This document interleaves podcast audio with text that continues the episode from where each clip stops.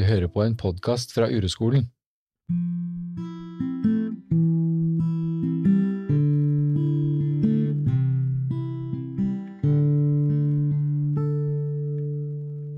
Du hører på podkasten Øyvind og Øystein. Hei, Øyvind. Hei, Stein. Ja, nå er vi blitt urolærere, vi. Ja. ja. Vi har holdt på nå et år, mer eller mindre, intensivt med læring og opplevelser og bygge erfaring. Ja. Oppå de eh, ti åra vi har som eh, medlemmer av mannsgruppe. ja. Vi har lang erfaring med å bruke uro i livene våre som en ressurs. Kaller det jo litt forskjellige ting. Urometoden, eller se på uropsykologi, eller Ja. Det det er, er jo å gå mot uroen istedenfor å vike unna når ting blir vanskelig i livet. Og min introduksjon til eh, uropsykologien, da, Ja. det var eh, en periode av livet mitt. Jeg var vel kanskje 39, tenker jeg. Nå er jeg 51. Eh, og da gikk jeg Ja, da visste jeg ikke helt hva jeg skulle gjøre. Eh, jeg var samboer og hadde to barn og og eh, hadde en idé om at eh, det jeg hadde hjemme med kone og barn, at eh, det var feil. Ja. I hvert fall ikke, ja, Barna mine var ikke feil, men eh, kona mi skulle gjerne vært, an, vært annerledes. Eh, jeg så jo andre damer og, Ja. og trodde liksom ah, kunne ikke være her, liksom. Eh, så, så kom jeg vel i en sånn situasjon da, som jeg på en måte fikk kniven på strupen hjemme. Ja. Og jeg fikk bare sånn enorm panikk, da.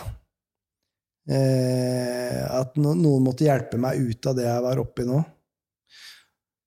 Og så da henvendte jeg meg til Kaspar, som Ja. da jobba som psykoterapeut, og da ble jeg hans klient, kalte vi det da. Og jeg hadde en idé om at jeg, skulle repareres i det, Ja. i det møtet med Kaspar.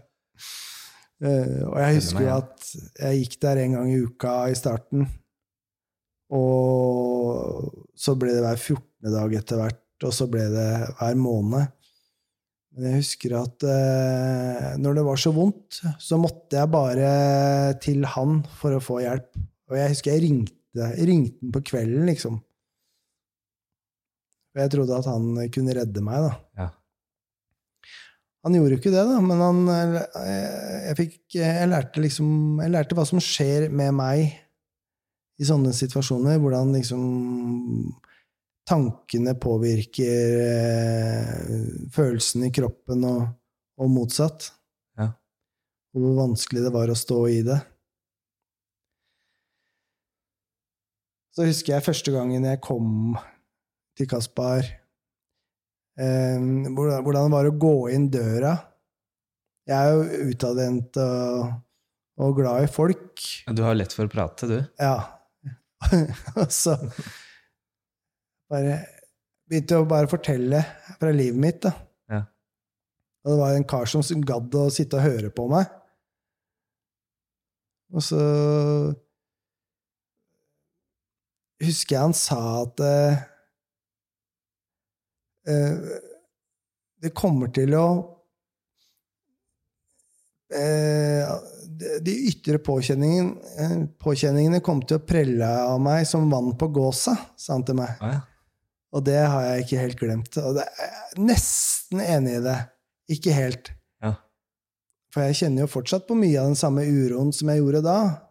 Men jeg gjenkjenner den, og jeg er ikke så redd for å bli redd. Men i hvilken sammenheng sa han det? At det kom til å prelle av som gåsa? De ytre påkjenningene? Var det Jeg husker ikke akkurat hva det var, men det var vel at eh, Når jeg kom i kontakt med uro, da, mm. så var det den uroen som kom til å prelle av som vann på gåsa. Ja. Eh, det, det er nok eh, litt mer eh, nyansert enn det. Fordi jeg tror, jeg tror faktisk jeg, det var vel i kanskje 07 eller noe 08 første gangen, og jeg, jeg, var eh, hos Kaspar, og da kjenner jeg kjenner jo fortsatt det. At eh, det preller ikke av som vann på gåsa. Men eh, Men det har jo skjedd noe som har gjort at du har fortsatt der og ja, ja, valgt å bruke det der i ja. ja, fordi jeg gikk jo Jeg begynte å gå hos Kaspar, og så ordna det seg litt på hjemmebane Mm. en periode, og så skar det seg igjen. Og da begynte min eks da, å også gå hit, da. Ja. Så ble det veldig, veldig bra. Vi lærte veldig mye av det. Vi slutta blant annet å krangle. Ja. Vi, var, vi lærte oss noen regler med å si stopp. Når den ene var kranglete, så kunne den andre si stopp, og da var det sånn Det var vi enige om, at stopp, det betyr stopp. Da kommer man ikke noe vei lenger, liksom. Nei, Jeg husker hun sa stopp til meg en gang, og det var noe så inni oh. Så irriterende. Jeg, ville jo bare, jeg hadde jo så mange gode argumenter oppi huet mitt som jeg kunne liksom legge over på henne, men hun sa bare stopp. Jeg tror det er så nyttig av og til. Altså, Mm. kunne bare si stopp. Mm. Ikke nødvendigvis bare i parforhold, men også sånn for sin egen del. Mm. Når jeg merker at, eh, at tankene mine bare spinner skikkelig, og jeg bare åh, jeg har så lyst til å bare si det her. Mm. Si stopp. Hva er det som skjer da, liksom? Mm. Kjenne etter i kroppen. Jeg tror det er, det er mye av det Mm. som er nøkkelen. Altså, I hvert fall sånn i første omgang. Jeg var nok drevet veldig mye av sånn skam og tanker om hva som ville skje i framtida. Ja, ja. Eh, og det lærte jeg. Og jeg husker veldig godt en gang hvor jeg liksom skjønte det, hva det var jeg dreiv med. For da dreiv jeg med hundekjøring. Og så har jeg vært veldig redd for at eh, noen av bikkjene skulle bli lø, lø, komme seg løs og ta sau. ja. Så mista jeg en bikkje eh, ut av spannet, som forsvant. Og da fikk jeg jo panikk. Sånn ah, Nå kommer den sikkert til å spise opp eh, masse sau og sånn. Men det var jo bare en idé om framtida som eh, ikke har noe rot i virkeligheten. Mm. Så når jeg da satt på den eh, firehjulingen, for jeg trente, det var sommertrening, og eh, så den bikkja forsvant, så gikk jo det scenarioet gjennom hodet mitt at jeg måtte stå til rette for naboene som hadde mista sau, og, og bikkja mi hadde tatt mange dyr. Ja. Så kom jeg på det at ah, så kjente jeg etter, så kjente jeg at det var skikkelig vondt, at jeg var redd. Og det var her og nå, der jeg satt på firehjulingen. Fint øyeblikk, da. Eller eh, Ja, det var helt, helt rått. Fordi da, da catcha jeg det at eh, den historien som eh, følger da, oppi huet mitt, da, eller som fulgte at uh, bikkjene kom til å ta sau, det var jo bare en fantasi. Og det var ikke noe Selvfølgelig var det en viss fare for det, men det hadde ikke skjedd. Og ikke visste jeg om det kom til å skje.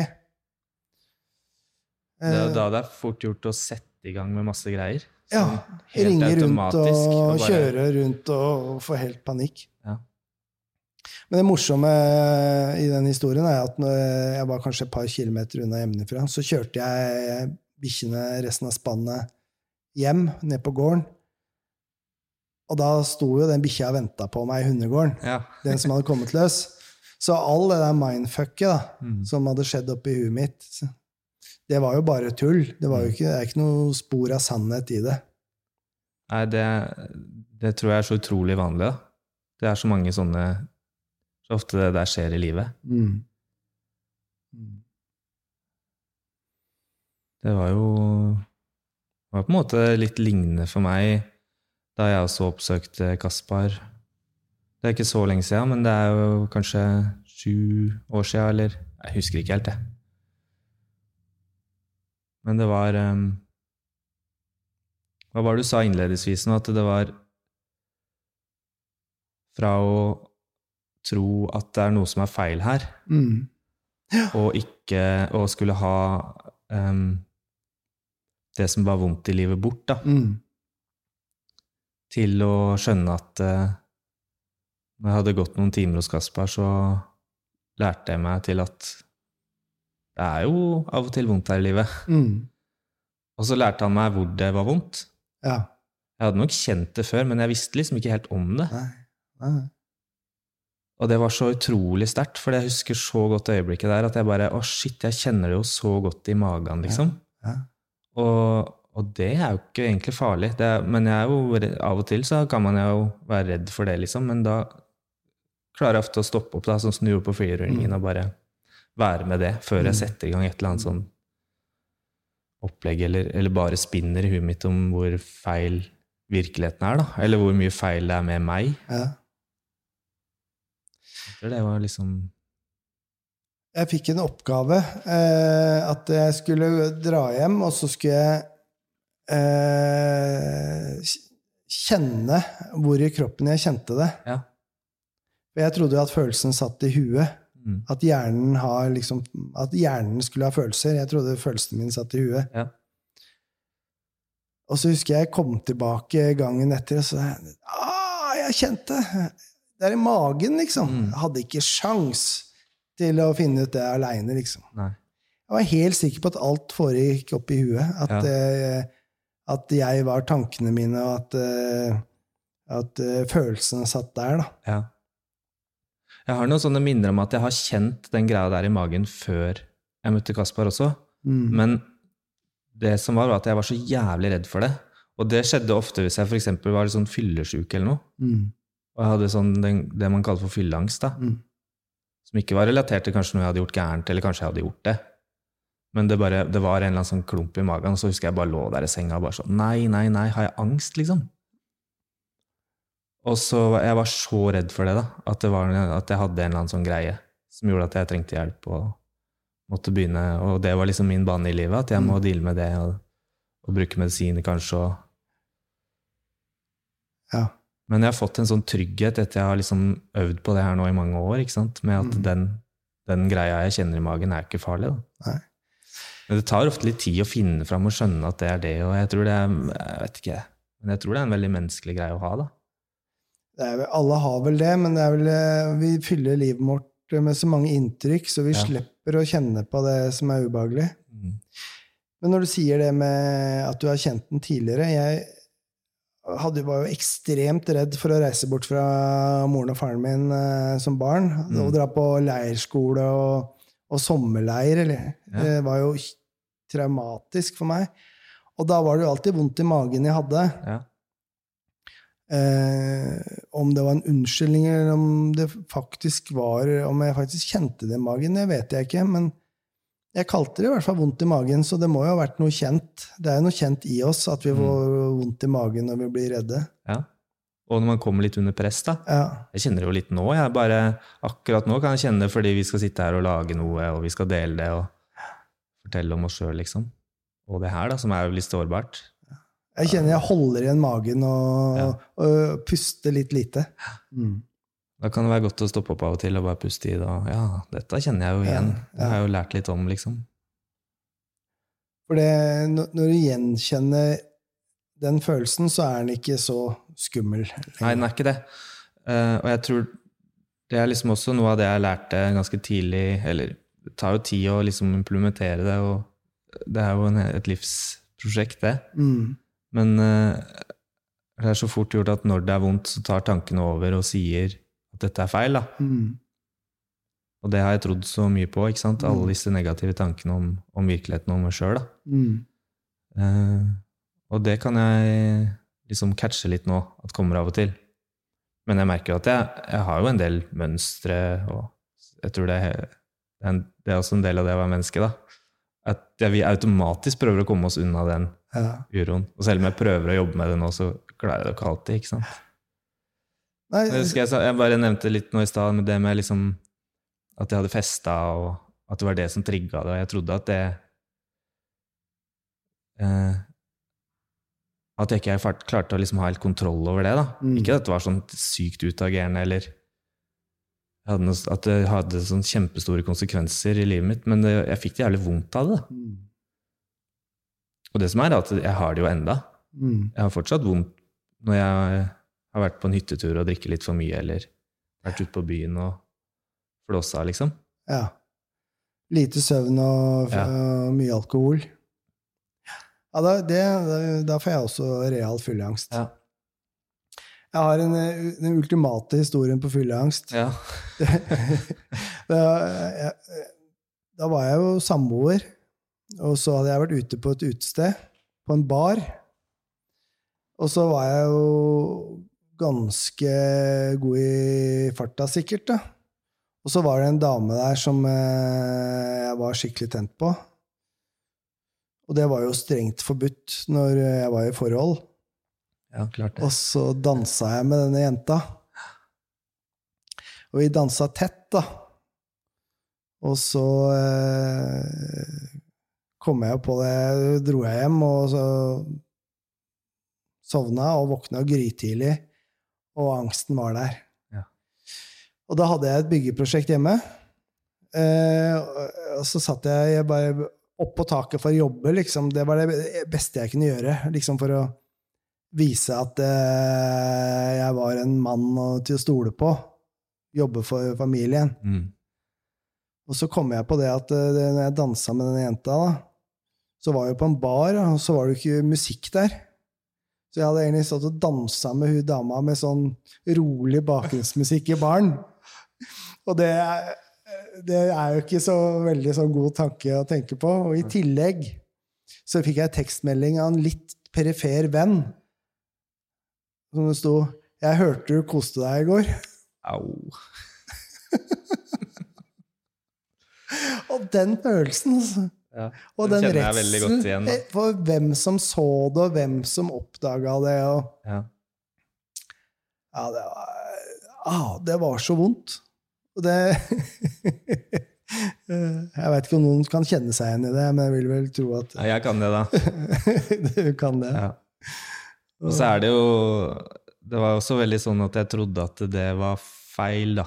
Um, og at jeg måtte på en måte bli flinkere til å korrigere mine mønstre i livet, liksom. Mm. Uh, og um, ideen om at jeg gjør noe feil av og til, var veldig sterk, da. Mm. Jeg, men jeg klarer jo ikke å styre det, så jeg må bare bli flinkere og tøffere og hardere. Men så går det igjen, igjen og igjen, så skjer det liksom på forskjellige måter i livet, da. Mm. Men det som har vært en sånn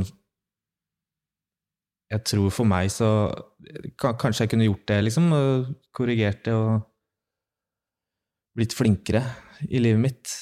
Men eh, det jeg har erfart, er at den, de tankene om at jeg skal bli så jævla mye flinkere til å styre de mønstrene mine, gjør ikke at jeg blir noe flinkere. Nei. Kan, det kan funke kanskje i noen uker. En hvit måned eller Mm. så er man jo tilbake igjen til de gamle mønstrene. Vi har så sterk tro på i vårt samfunn at vi må, liksom, vi må bare bli smartere og flinkere til å ha, liksom, tenke bedre. Da. Og min erfaring etter jeg har liksom jobba med uro, er at det, det er veldig lite av det der jeg kan egentlig kontrollere. Men du kan kontrollere det innimellom, kan du ikke? Ja, jeg kan, jeg, jeg kan jo det. Jeg kan kontrollere oppmerksomheten min. Så jeg kan styre den mot kroppen når jeg har det vondt, og ikke høre på alle de tankene. Og da er min erfaring at hvis jeg får til det, og det er ikke alltid jeg får til det, men noen ganger får jeg det til, da får jeg kontakt med mer ressurser i livet mitt. da. Mm. Og så for meg så er det noen ganger så enkelt, liksom. Og da plutselig så kan jeg liksom være litt opp og nikke igjen, og så bare roer de der negative mønstrene mine seg litt på sikt, da. Men de roer seg ikke ved at jeg skal være så streng med meg sjøl. Bare komme med ressurser, eller? Ja. Jeg vet ikke om det er en Men det er vel, det er vel sånn at uh, vi skulle gjerne vært så flinke så vi kunne se på det hver gang vi kom i kontakt med det mønsteret. Ja.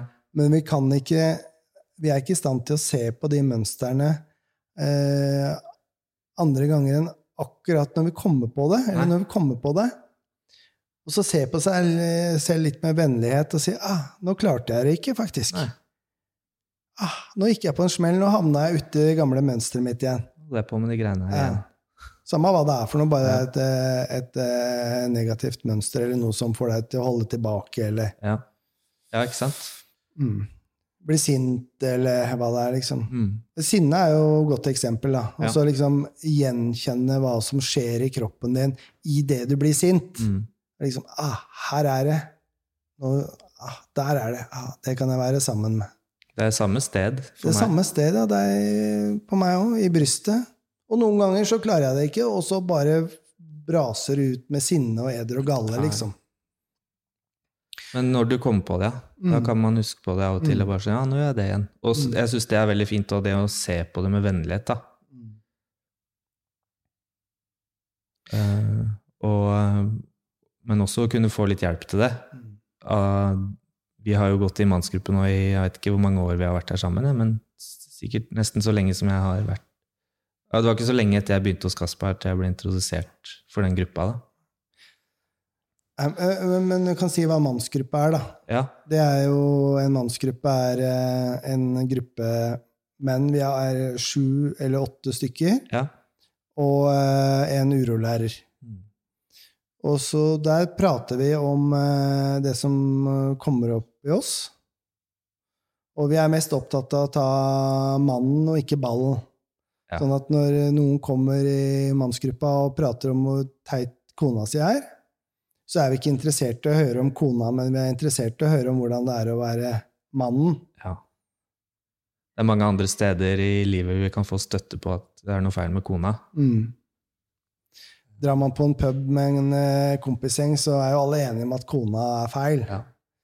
Men eh, hvordan er det for oss, da? Og ikke nødvendigvis ha som mål at man skal fikse problemet Nei. der og da, men åssen er det å være deg, Øyvind, når det der skjer? da? Mm. En annen eh, historie fra nyere tid. Eh, med uro. Eh, jeg solgte huset mitt eh, for eh, halvannet år siden, vel. Et år siden solgte jeg huset mitt. Eh, og det var jo et hus som, var, som jeg hadde hatt i Jeg hadde jobba på det i ti år og bygde opp et lite tun med tømmerhus. Og så eh, fikk jeg solgt det. Masse uro rundt det å selge eh, barndomshjemmet, eller ikke barndomshjemmet, men kanskje livsverket mitt, da. Som jeg hadde en idé om at det var.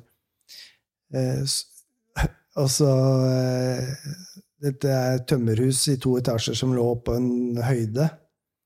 eh, Værutsatt. Så den eh, fire dager før overdragelsen så begynte det å regne, og det regna vannrett med slagregn på veggen, på den tømmerveggen.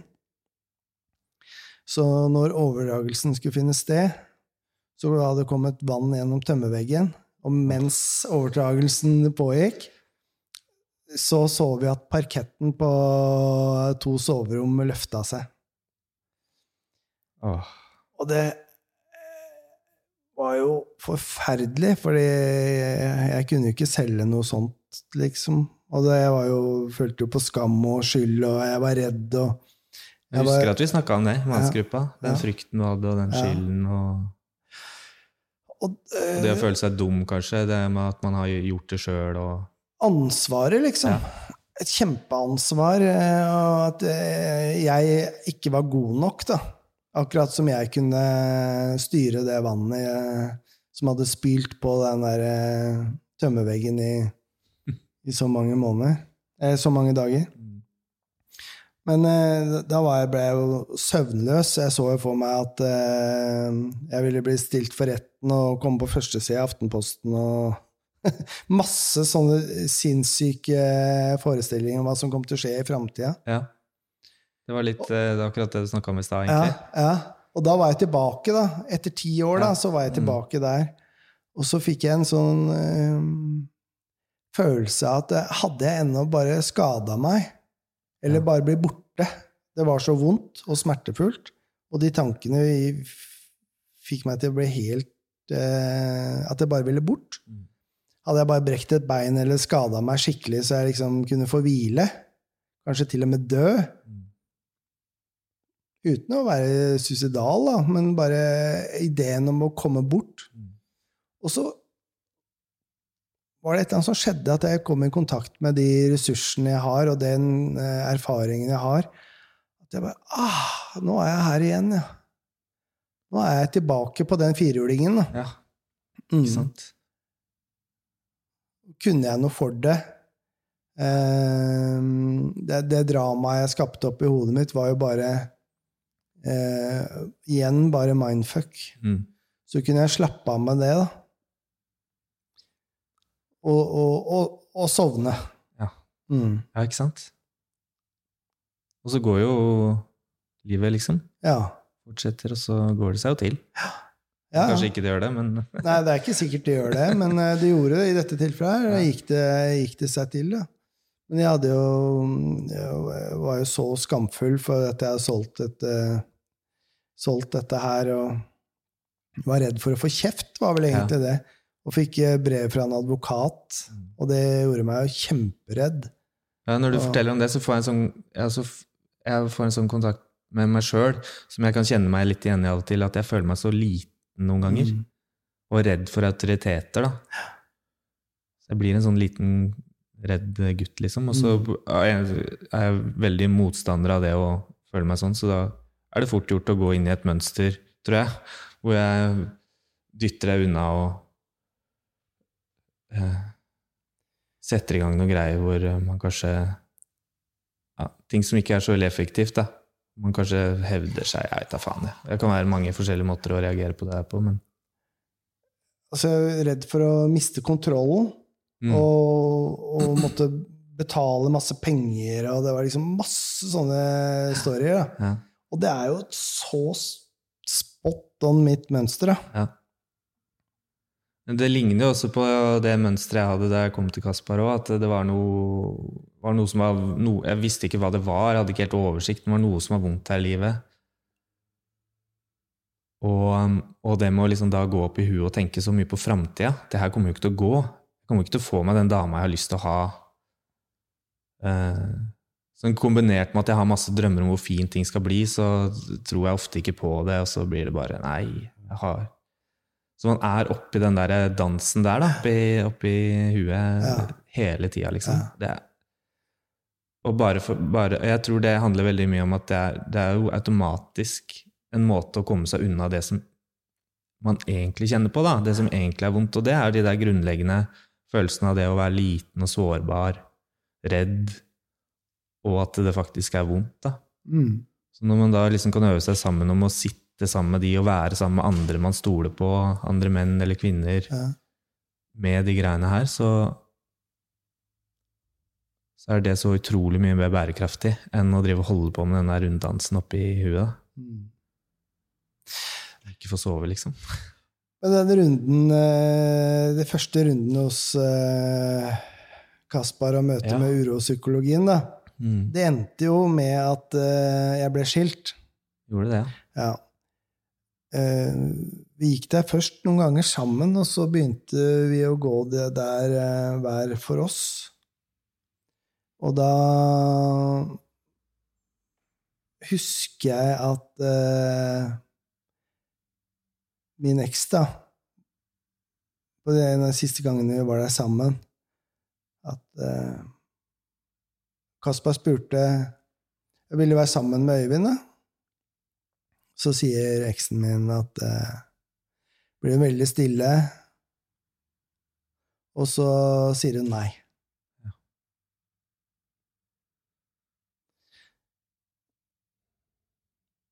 Det er bare den følelsen av liksom Bare alt bare rant ut av meg. liksom Jeg var helt Jeg var eh, lamslått, liksom. Nå skjedde det.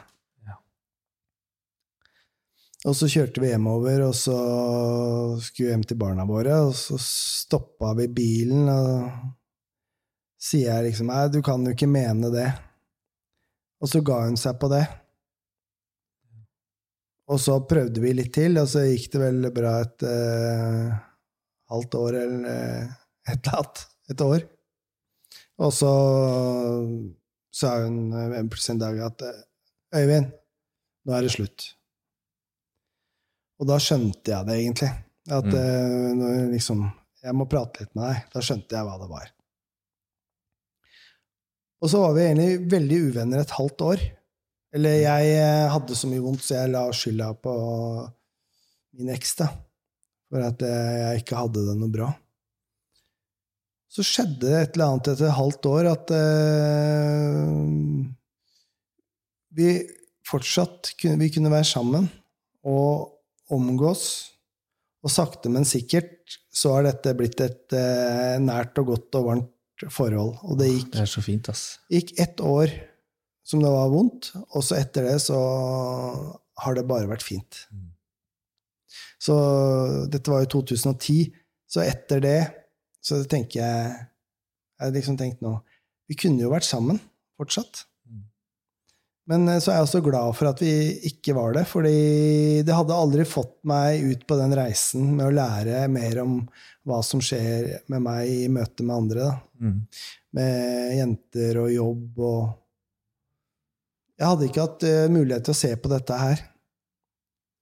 Så, og, og begge to har det veldig fint i dag, og vi er to fine barn, og vi henger sammen eh, når vi kan.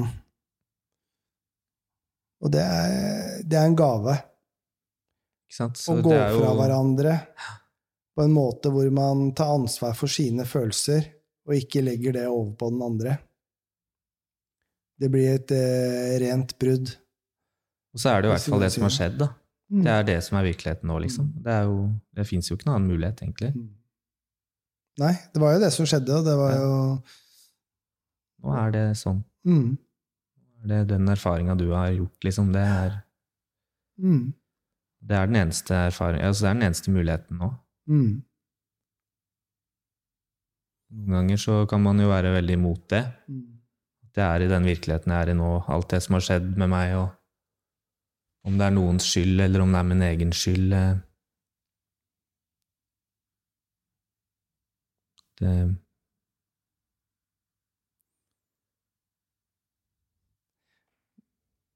Det er jo Jeg tenker tilbake på, på, det, på den, eh, det bruddet, da.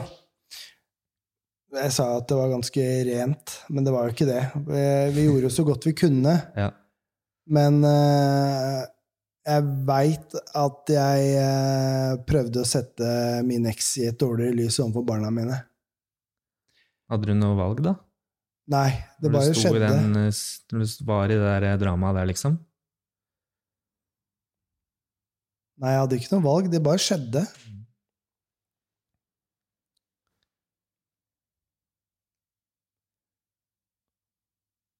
Det var jo Mhm, Hva skal jeg si? Det er vondt å tenke på nå, da. Mm. Og at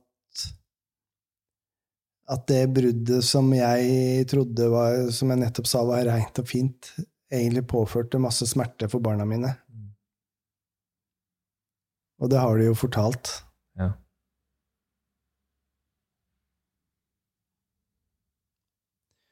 At det var, at det var vondt, da. Og vi trodde at det var et fint brudd, for vi var venner enn et, et halvt år eller et år. Det er noe for eh, Glemte vel egentlig jentene litt oppi dette her, da. Barna mine. Så mest meg sjøl, men jeg hadde jo ikke sjans til å se det. Nei, det er ikke så lett når det der står på, ass. Da Nei. er det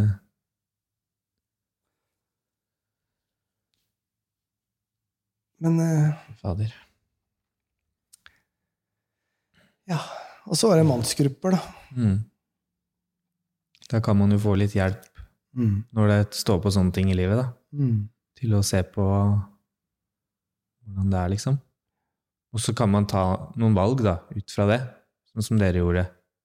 Og kanskje man ikke gjør det, kanskje man velger å bli, og det Det er jo umulig å si hva som er riktig. Mm.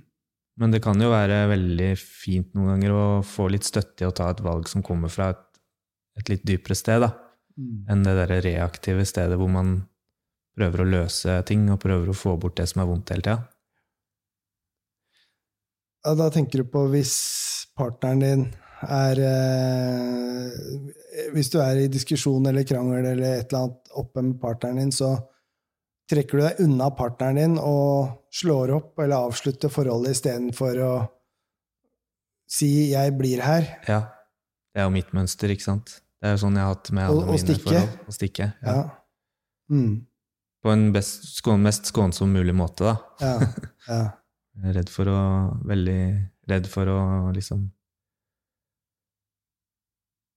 Såre damer. Men på et eller annet tidspunkt så blir det vondt i et forhold, og og jeg har, jeg har ikke hatt så mange lange forhold og sånn, jeg, men, men eh, når det har begynt å bli vondt, så har jo mitt mønster vært å trekke meg unna. da. ja.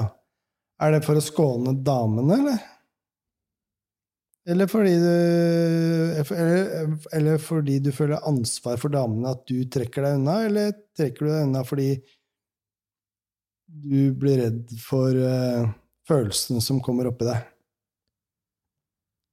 Jeg vet ikke om jeg har helt oversikt over det, egentlig. Men jeg tror det er litt begge deler. Mm.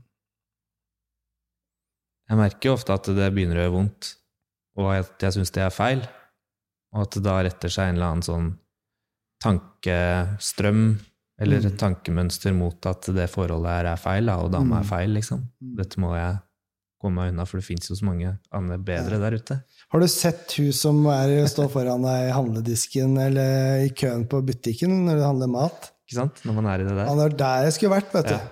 Fy fader, den rumpa og langt, fint hår og ja. Så tror jeg på det, da. ikke sant? At jeg bare jeg får meg en sånn dame, så skal det bli bra, liksom. Jeg prøvde det etter jeg ble skilt, da. Mm. Eh, med flere forhold som ikke varte så veldig lenge. Eh, alltid en idé om at eh, det fins noe bedre. Mm. Og hoppa fra dame til dame. Og trodde at eh, dette her redda meg, liksom. Det er spennende en stund, det. Starten. Ja, Men- men det var ikke Jeg husker at vi hadde Det var liksom spennende etter mange års samliv å være sammen med andre damer, men det var aldri godt. Man hadde jo sex, og mye sex, og drakk vin og sånn, men Ja, det er kanskje gått en stund, da, altså, når man er liksom i det og man er forelska, og det er jo Jeg vet ikke. Noen ganger er det godt, i hvert fall, men jeg tror det beste var å, å være på dateren, liksom, og Mm. ha en uh, idé om at dette her var, uh, var innertieren. ja, For da forsvant jo alle de vonde følelsene. ja nettopp. Mm. Savnet etter ekskona mi og sånn, det forsvant jo. De kom i bakgrunnen, og så kom jo den uh, ideen om denne nye, nye dama kom i forgrunnen. Det høres ut som et ganske vanlig mønster som mange menn har, tror jeg. Ja. Når det begynner å gjøre litt vondt i et forhold, så setter man i gang noe. Ja, Og om det er bare en liten greie som ikke kan kalles et forhold engang, ja. så er det jo det. Man får oppmerksomheten på en eller annen dame, og så er det liksom litt Jeg tror det gøy holdt. og litt digg og Disse eh, forholdene varte kanskje sånn fra en måned til tre, liksom. Og, da, og da kom jo Da var plutselig den derre eh, Savnet Den vonde følelsen etter bruddet, som hadde holdt seg i bakgrunnen, det kom fram. Eh, samtidig som eh, eh, det derre nye forholdet eh, kom i bakgrunnen. Ja. For det var jo vondt, det òg, liksom. Det var vondt uansett hvilken vei jeg snudde meg, og da måtte jeg bare bort. Så var det å dumpe disse damene. Uten, uten å såre de, da, selvfølgelig. For det, Ja, for det var derfor jeg sa det var litt to veier her, da. Fordi jeg prøver så godt jeg kan å gjøre det på en snill måte som mulig. da. Mm. Jeg vil jo ikke ha noe drama, såre noen, og jeg er jo livredd for det. Å, kjære, nå skal jeg dumpe deg på en Mm. snill måte.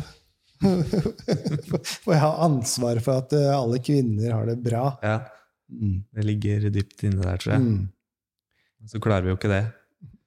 Å ha det Vi klarer jo ikke det ansvaret. Det er nok ganske Ja. sterkt. Ja. Men, men den eh, Også sitte med partneren sin og bare akseptere virkeligheten sånn som det er, da. Ja. Jeg tenker ikke på at man skal være på død og liv være sammen med partneren sin resten av livet, men bare kjenne på hvordan er det å være meg når jeg er her. Tørre å stå litt i det. Det har vært så fint for meg å få støtte i mannsgruppa på det, altså, fordi det Det har jo Det har jeg virkelig trengt å se på, da.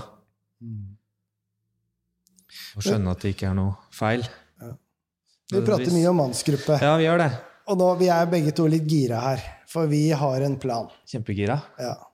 Vi skal starte en mannsgruppe fra høsten av. Ja. Og da er det menn vi eh, vil ha med oss. Og de skal være eh, fra kanskje 20 år og oppover. ja. Ja. Det tenker jeg er fint. Og så er det noen krav eh, som, for å bli med i mannsgruppa. Og det er at man eh, har gått noen timer til en urolærer og Ja. lært litt om eh, uropsykologien før vi, før vi drar i gang. Jeg tror i hvert fall det er veldig lurt, sånn at Mm. man ikke havner rett inn i en sånn mannsgruppe med helt uerfarne folk om det her, og man havner inn i den der samme greia som, som jeg tror vi er vant til å snakke En måte å snakke på som vi er veldig vant til som menn, da. Og det er jo den der løsningsfokuserte måten å, å deale med ting på. Mm. Å legge planer og og når ting er vanskelig i livet, liksom, og bare Ja, ja, men da, da ordner vi det her, og jeg støtter deg på det, og du Ja, det, du, du søker bare ny jobb når sjefen er dum, liksom. Ja? Istedenfor å gå til sjefen og si 'hei, du, jeg, sånn vil ikke jeg ha det'. Mm. Så det tror jeg er veldig lurt, da, at man har litt kjennskap til urometoden og har fått liksom kjent det litt på kroppen i en time med en urolærer. Mm. Det tror jeg er veldig lurt. Det, det, må, eh, det må være sånn. Og, og da er det sånn at en mannsgruppe Man møtes eh, en gang i måneden. Ja. Tre timer. Ja. Og så legger vi opp møteplanen ved første møte. Da legger vi, legger vi eh, Planlegger vi datoene for halvåret. Mm. Og på, etter nyttår så er det nytt møte med nye datoer. Og så er det ikke i feriene. Da er det ikke Da er det pause. Da er det alltid mye å snakke om etter ferien. Ja. Etter juleferien, når Ja. svigermor har vært på besøk, og øh, ikke bare svigermor, men mor også. Ja. Kanskje far. Svigerfar. Da er det mye fine ting å prate om, da. Veldig mye fint. Det, det her gleder jeg meg skikkelig til. Det blir spennende. Men det blir vanskelig òg, da. Å være, da blir det oss to som blir ordstyrerne og lærerne, Mm. ikke sant? Og det tror jeg kommer til å bli utfordrende for meg. Men veldig fint. Det er jo akkurat sånne ting jeg trenger å gå inn i for å For å liksom nettopp ville ha det som også er vondt i livet. da. Det Mm. som er menneskelig, og Mm. se på det og gå mot de tingene jeg er redd for i livet, liksom. Det er jo så fint å ha en mannsgruppe til å gjøre det. Utfordre hverandre og Ja. Og så er det jo et sted man kan ta opp alt. Ja. Mm. Det er ikke noe som eh, er tabu, og ikke noe som eh, behøver å holdes tilbake. Nei. Og så er det jo taushetsplikt, Ja. og så er det oppmøteplikt. Mm. I den grad at vi, hvis man skal på noe helt spesielt, så kommer man jo selvfølgelig ikke. Mm. Men det skal prioriteres. Det må nesten det. Hvis man er med litt sånn halvveis, så blir det ikke noe særlig. Så er det jo vennskap for livet er, som dannes. Ja. Det er ganske dype bånd. Mm. Det er eh, tror jeg det er mange som trenger, da. Så er det, det er også det er litt å, det å sette av tid til seg sjøl. Mm. I sånn, et sånn hektisk eh, hverdag og liv og ja. Eller kanskje ikke hektisk. Noen er jo, seg, er jo, har jo som mønster å trekke seg tilbake og holde seg for seg sjøl, men setter kanskje egentlig ikke av tid til seg sjøl likevel. Jeg vet Mm. ikke. Jeg har sånn inntrykk av at det er mange som driver med det. ja. Man er Man, øh, man har jo flere mønstre, eller flere måter å deale med uroen vår på. Mm. Tilbaketrekning. er- Mange strategier, ja. Man kjører Netflix, gamer, er på pub, jobber, trener. Så det er utrolig mange unnskyldninger ja, man kan uh, gi seg selv for å, for å ikke bli med i en mannsgruppe. Mm. Så en mannsgruppe er for de tøffeste. Absolutt. Jeg må, bare, jeg må dele en his- liten historie til. Det er om uh, når jeg fant ut Eller jeg hadde hørt om en eh, meditasjonsskole i Danmark Ja. som eh, Den heter Osho Risk. Det er en indisk guru som eh, grunnla dette kan du, Grunnla dette her, og, og det var en sånn En dansk eh, eh, Skal jeg kalle det? Eh, et dansk kurssted da, som ble Mm. drevet i denne guruens ånd. Eh, og de arrangerte noe som het Therapist Training, som gikk over 18 måneder. Hver sjette uke skulle man sette av ti dager Ja. eh, for å dra dit på kurs, da. Det Til å bli terapeut, på en måte, eller bare for å se på seg sjøl? Man blir vel ikke terapeut, men det blir vel et eh, godt grunnlag da, Ja. for noe. Bli kjent med seg selv, hvordan man er. Og da var det to av gutta i. Ja, det er heftig opplegg. Men det heftigste, det var jo det å sette av tid og penger til det. Ja. Og stå opp for det man egentlig hadde lyst til å gjøre. Så jeg hadde kjempelyst til å gjøre det, men jeg turte aldri å ta spranget. Helt til det var en eh, kar i mannsgruppa som sa å, jeg meldte meg på der nede, så jeg starter på fredag. og da kjente jeg bare fader og at ikke jeg fikk ut fingeren. For det var jo det jeg også ville. Så da fikk jeg skikkelig tupp bak, og da, det, hadde en, et eller annet, eh, det var et eller annet som har holdt meg tilbake. da. Et av mine mønstre Mm. fra å gjøre det. Eh, Så når jeg dro hjem eh, den dagen, så sendte jeg søknad om å bli tatt opp i neste års kull. Ja. Eh, Og så gikk jeg til sjefen min og sa at eh, jeg søkte om permisjon med lønn for å dra dit. Så jobba jeg i statlig foretak som teknisk rådgiver. Så sjefen min skjønte ikke helt hva jeg skulle med dette her, i jobben som teknisk rådgiver. Nei. Men jeg fikk permisjon uten lønn. Mm. Og jeg måtte planlegge. Så da var det flybilletter opp og ned til Billund eh, hver sjette uke. Ti dager borte.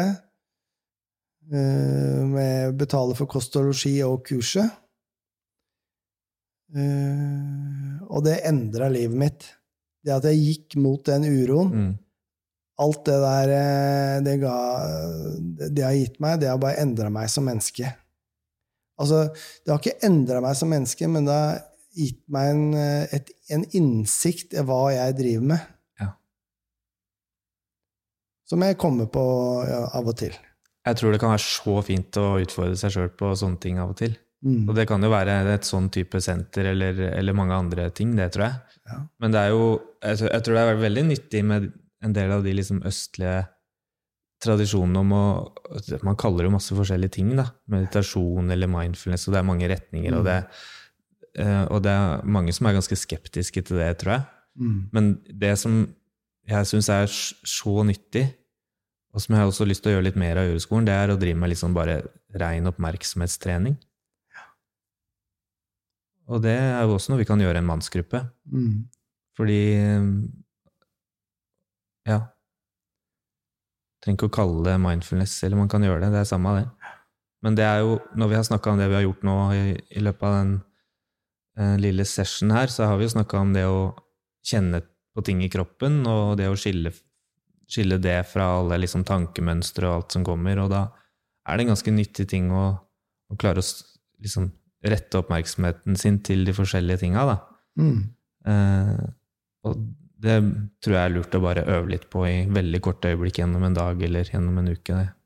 Det er derfor jeg syns det er spennende. da. Det er vel noe med å jo masse da. spennende, da. Mm. den. Men det er noe med å gjenkjenne, ja. Gjenkjenne hva som skjer i kroppen din, Ja, nettopp det. og gjenkjenne tankene. At nå er det der igjen. Mm. Eh, og det vil man få rikelig mulighet til å eh, gjøre i en mannsgruppe, da. Ja, absolutt. Så derfor er det tenker jeg bare at eh, Jeg vil oppfordre alle til å ta kontakt med Uroskolen Ja. og melde seg på mannsgruppa til Øyvind og Øystein. Mm. Eller var det Øystein og Øyvind? Eh, jeg tror det var Øyvind og Øystein. Ja. det ga meg altså skam, ikke sant? Ja. Ah, hvorfor må jeg ha navnet mitt først? Ja. det er mitt gamle mønster, liksom. Nå har jeg vært svær i kjeften igjen. Mm. Ja. Men det kan vi Men helt enig, mer om. Jeg er også helt enig i det at for- oppfordre folk til å til å ta kontakt. Ja. Hvis man syns det er spennende å ta den utfordringa, selv om det Mm. kanskje er skummelt å gjøre noe sånt. Men uh... Man finner kontaktinfo på uroskolen.no. Og hvis dere går inn og ser på urolærerne, så finner, vil dere finne meg, mitt navn, Øyvind, og Øystein sitt navn der. Ja. Kan dere lese litt om oss. Mm. Der står det også telefonnummeret. bare ta kontakt, Mm. så ordner vi en time, Mm. og så finner vi ut av det. Mm. Det blir bra. Så håper jeg vi ses, og... men det som er sikkert, er at vi høres Det gjør vi. Ha det Takk, bra. Kevin. Ha det. Ja, takk. Ha det.